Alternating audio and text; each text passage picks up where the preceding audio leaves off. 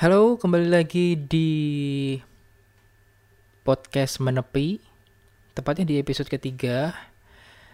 Masih bersama saya Iwan, dan di episode ini um, saya akan mengangkat judul "Setiap Orang Mempunyai Alasan". Ya, uh, di sini saya maksudkan adalah setiap orang tuh mempunyai alasan ketika mereka melakukan sesuatu. Ya atau di balik sesuatu yang mereka lakukan di balik sifat mereka di balik penampilan mereka itu sebenarnya mereka mempunyai alasan kenapa mereka melakukan hal tersebut. Dan tugas kita sebenarnya adalah um, me menangkap petunjuk-petunjuk tersebut, menangkap alasan apa ya, menangkap eh, hal-hal uh, tersebut agar kita bisa menginterpretasi kenapa dia melakukannya, agar kita bisa mengartikan, menginterpretasi alasan dibalik kenapa seseorang melakukan sesuatu. Oke, okay, contoh pertama, uh, mungkin saya akan ambil dari zaman-zaman SMA mungkin kali ya Contohnya adalah alasan merubah penampilan. Banyak kan ya uh, siswa-siswa SMA tiba-tiba yang cowok itu mereka terlihat lebih gan lebih ganteng, mereka uh, lebih wangi mungkin.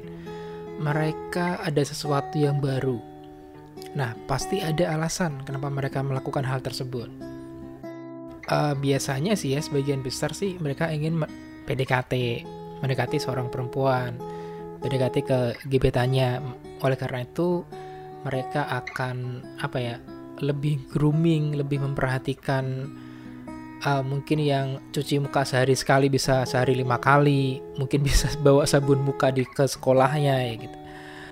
Perubahan-perubahan itu adalah alasan kenapa dia merubah penampilannya. Uh, contoh lain masih di SMA. Ada nggak sih teman kalian yang SMA dulu waktu SMA itu yang uh, motornya dimodif? Pasti ada kan ya yang hobi banget mereka modif motor yang dicat ulang lah apa velgnya diganti lah knalpotnya dibesarin suaranya dibesarin sebenarnya mereka punya alasan kenapa mereka melakukan hal tersebut. Karena kenapa sih bisa dibilang kan motornya dibagusin nih agar apa sih? Agar dilihat oleh siswa lain, agar dia dan motornya itu ketika dia menaiki motornya itu agar dilihat oleh orang lain. Jadi bisa dibilang sebenarnya dia mencari perhatian. Perhatian siapa sih? Bisa jadi perhatian cewek gebetannya kembali ke gebetan ya mungkin. Atau juga mungkin ya mencari perhatian pacarnya. Bisa jadi ya pasti um, dia melakukan hal tersebut bukan tanpa alasan tapi dia melakukannya dengan alasan.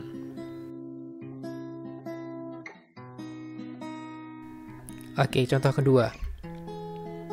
Setiap orang mempunyai alasan ketika tindakan atau perilaku mereka berubah. Yang punya pacar mungkin ketika uh, mungkin komunikasinya sudah tidak berjalan lancar, komunikasinya sudah mulai garing mungkin, atau sebaliknya, hubungan kalian semakin erat, semakin mesra, semakin intim, itu pasti ada alasan kenapa salah satu dari pasangan kalian itu melakukan hal tersebut. Ya, uh, berubahnya itu bisa uh, kalian rasakan, kalian temui sendiri di tentunya di pasangan kalian masing-masing. Pasti ke, pernah ngerasain kan ketika kalian pacaran, kemudian kalian tuh uh, seperti seolah-olah punya feeling, kok dia berubah ya? Kok dia nggak seperti dulu ya? Kok sekarang kelihatannya jarak kita semakin jauh ya? Kok uh, perhatiannya semakin kurang ya? Atau mungkin sebaliknya ya oh kenapa dia tiba-tiba memberiku hadiah? Kenapa um, perhatiannya semakin intensitasnya semakin ditingkatkan? Kenapa dia tambah mesra pernah kan kalian merasakan uh, apa ya perasaan atau feeling seperti itu pasti pernah karena ya yang pasti kalau pacaran kan mas pasti kalian sering berkomunikasi dan ketika kalian karena seringnya berkomunikasi akhirnya sudah hafal dengan flow, sudah hafal dengan pola-pola komunikasi dan respon dari pasangan kalian. Jadi ketika pasangan kalian merespon yang berbeda, sudah pasti sudah pasti kalian merasakannya. Dan itu ada alasannya. Ada alasannya kenapa dia melakukan hal tersebut, kenapa dia jarang berkomunikasi, mungkin kenapa dia semakin tidak perhatian, kenapa dia semakin cuek, ya atau sebaliknya kenapa dia semakin mesra itu pasti ada alasannya. Namun menemukan alasannya itu terkadang tidak semudah membalikkan tangan. Kita tidak apa ya? Terkadang tuh ketika kita kita tidak hanya semudah kenapa sih kamu berubah dan dia menjawab saya berubah karena bla bla bla tidak semudah itu terkadang kadang kita pun kalau ingin bertanya kepada pasangan kenapa dia berubah tuh agak gimana ya ragu ragu-ragu padahal kita sudah merasa bahwa pasangan kita tuh berubah tapi kita bisa dibilang harus mengumpulkan keberanian dulu untuk menanyakan alasan tersebut.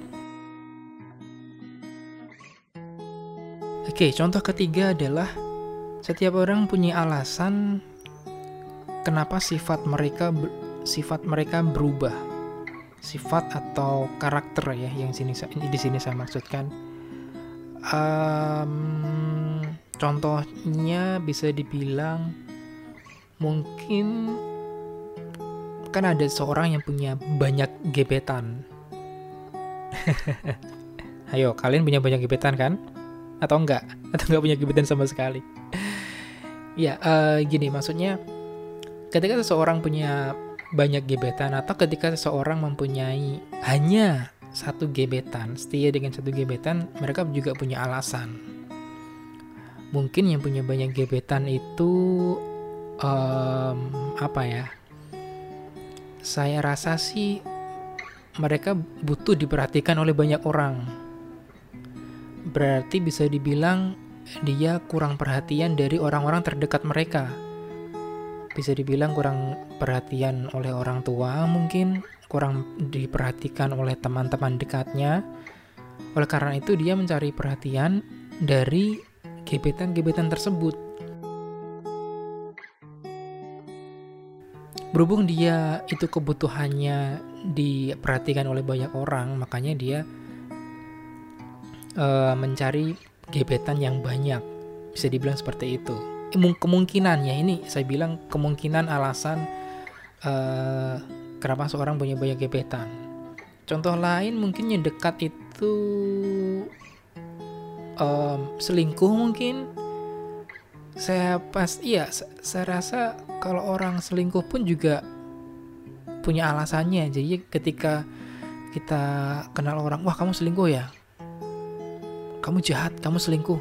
Kita tidak tidak boleh menjat semata-mata menjat langsung seperti itu karena apa karena sebenarnya kita nggak tahu alasan kenapa sih dia selingkuh iya kalau dia yang salah iya kalau pasangannya yang salah Bahkan ketika kita mungkin menjumpai pencuri pun, kita tidak boleh langsung menjudge. Wah, kamu orang yang jahat, kamu mencuri, kamu orang yang buruk, kamu tidak pantas hidup di dunia ini. Mungkin seperti itu. Uh, kita tidak boleh langsung menjudge serta merta seperti itu ya, karena ya seperti saya bilang tadi, setiap orang tuh mempunyai alasan sendiri. Kenapa dia mencuri? Alasannya ya bisa dari banyak faktor, mungkin faktor ekonomi, mungkin anaknya harus bayar sekolah, mungkin karena dia butuh sesuatu sehingga dia butuh uang yang cepat, bagaimana uh, dia sudah berpikir bagaimana cara dapat uang yang cepat, akhirnya dia gak punya pilihan lain selain mencuri. Oke, dan di sini saya tidak menganjurkan untuk mendukung sifat-sifat tersebut ya, mendukung pencuri, mendukung orang selingkuh, mendukung orang yang banyak gebetan, enggak. Maksudnya uh, saya ingin meng-share bahwa sebelum kalian menjudge seseorang karena di mata kalian dia itu buruk, di mata kalian itu dia jahat, tidak baik, itu coba deh dipikirkan dulu. Coba deh jangan ngejudge dulu, tapi lebih ke cari tahu alasannya kenapa mereka melakukan hal tersebut. Kenapa dia mereka selingkuh, kenapa dia mencuri, kenapa perhatiannya kurang, kenapa jadi tiba-tiba cuek, kenapa jadi tambah mesra, tiba-tiba ngasih hadiah. Coba deh dicari lagi alasannya kenapa dia melakukan hal tersebut. Oke, kita masuk ke kesimpulan.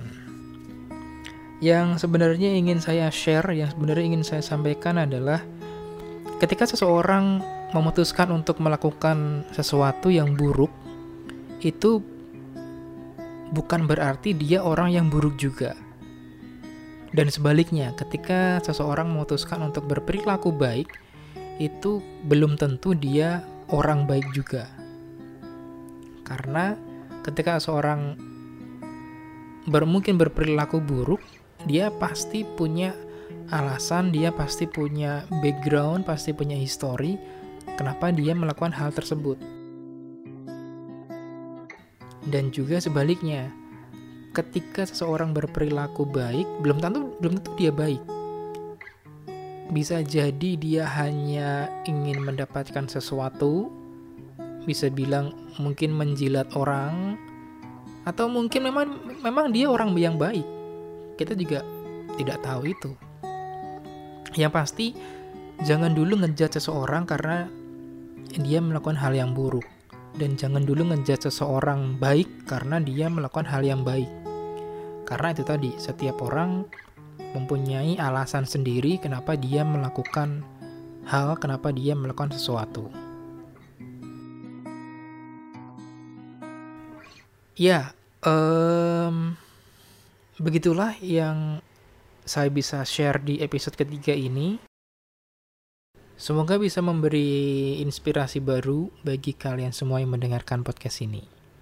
Oke, terima kasih bagi kalian yang sudah mendengarkan di mana pun kalian berada, kapan pun kalian mendengarkan podcast ini. Terima kasih banyak. Saya pamit dulu, sampai jumpa di podcast selanjutnya.